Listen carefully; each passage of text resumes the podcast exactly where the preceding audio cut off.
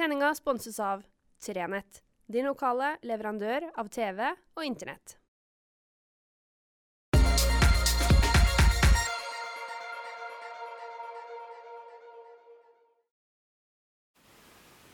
Riktig god fredag. Ja, og for en fredag, da. Hæ? Nydelig vær. Fantastisk vær. Altså, jeg sitter og, Fra, fra loftstua mi så, så, ser jeg toppene av noen trær. De rører seg så vidt. Sola skinner.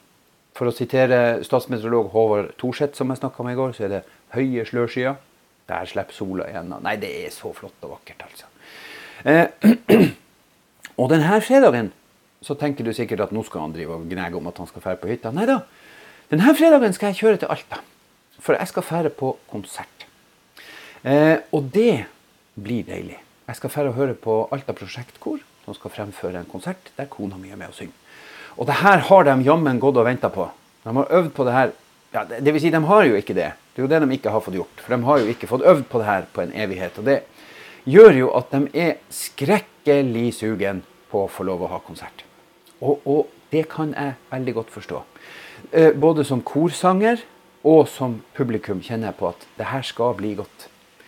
Og forrige uke så starta koret jeg synger opp med øving igjen med avstand. Og vi kan ikke stå, sitte og øve i det vanlige rommet. Vi må sitte i en stor sal, vi må ha meteren imellom oss, vi må gå i pulje og hente kaffe. Vi må sprite osv. osv. Men vi kan være sammen igjen, og vi kan synge. Det er en del ting som gjør og tyder på at vi er på tur å gå tilbake til normalen. Og det er så deilig. Hvis du tar Skjervøy nå, så har altså Skjervøy den siste uka åtte smittetilfeller. Hvis vi hadde gjort, opplevd det for halvannet år siden, så hadde vi gått i fullstendig lockdown. Da hadde butikkene vært stengt, sånn som vi opplevde. Det hadde kanskje vært hjemlevering av varer, sånn som det var i starten. Um, ja, det hadde vært to meter, det hadde vært krav om munnbind. Uh, dere kjenner hele greia. Nå ruller Skjervøy og går noenlunde normalt, til tross for at det altså er åtte smittetilfeller. Det er vel det, det største antallet vi har hatt samtidig ever, siden pandemien brøt ut.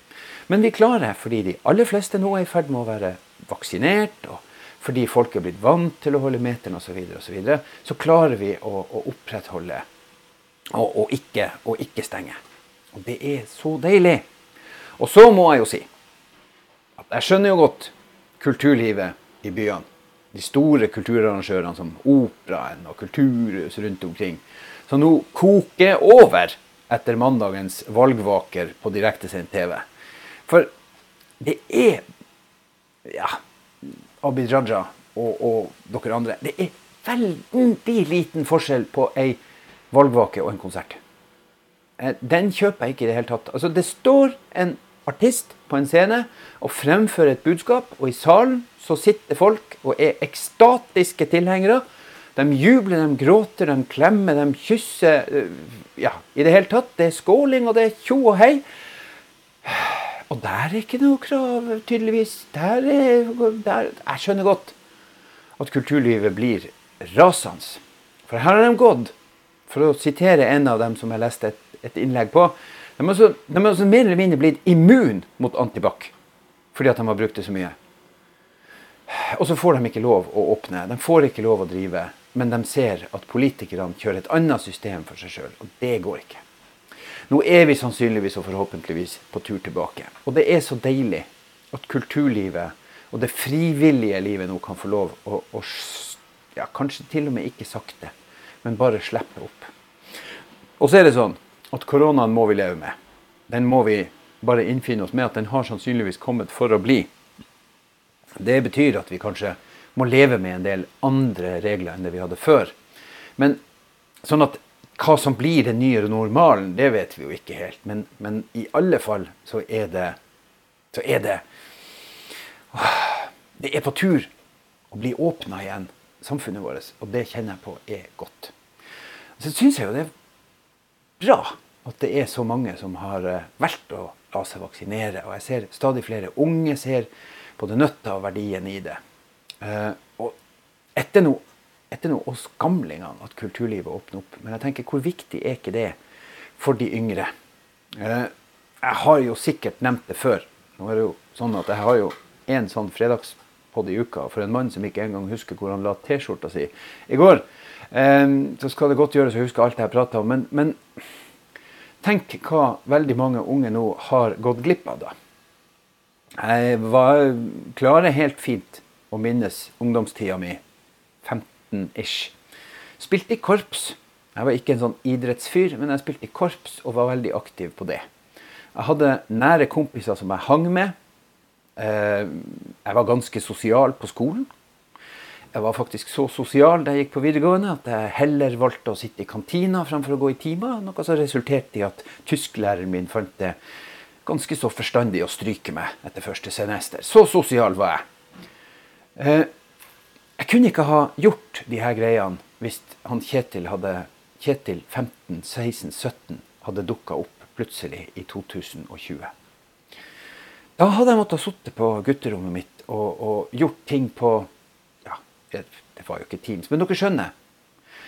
Jeg er, så, jeg er jo så glad for at jeg slipper det her, men jeg er jo så trist for alle de her unge som nå har gått glipp av et, et ungdomsår, på sett og vis, og fått en helt annen opplevelse av ungdomsåret. Og det her er jo år, det vet jo vi som er noen år, det her er år som preger. Hvis du tenker tilbake sjøl, så kan du jo tenke på hvor mange av vennene du har med kontakt med her på Facebook, eh, som er venner du, du knytter kontakt med i ungdomstida. Og veldig ofte kanskje i den tida du gikk på videregående eller på universitetet. Det er her du virkelig knytter kontaktene dine. Ja ja, barndomsvennen din. Barndomsvennene dine, dem, dem, dem er jo der. Eh, min beste venn og forlover, som jeg fikk treffe igjen nå for noen uker siden, uh, har jeg kjent siden jeg var en, ja, ikke en neve stor, men ikke så langt ifra. Men du, du, dere skjønner hva jeg vil. Derfor er, så, derfor er, det så, bra hvis vi kan få samfunnet nå back on track, for å si det på nynorsk. Tilbake på sporet. Det hadde vært deilig. Ja, veldig deilig. Jeg mangler litt ord, kjenner jeg på, for hvor usedvanlig viktig det kan være. Bare den følelsen av å gå inn i Kulturhuset på Skjervøy sammen med kona mi for å møte mine korkollegaer i Skjervøykoret.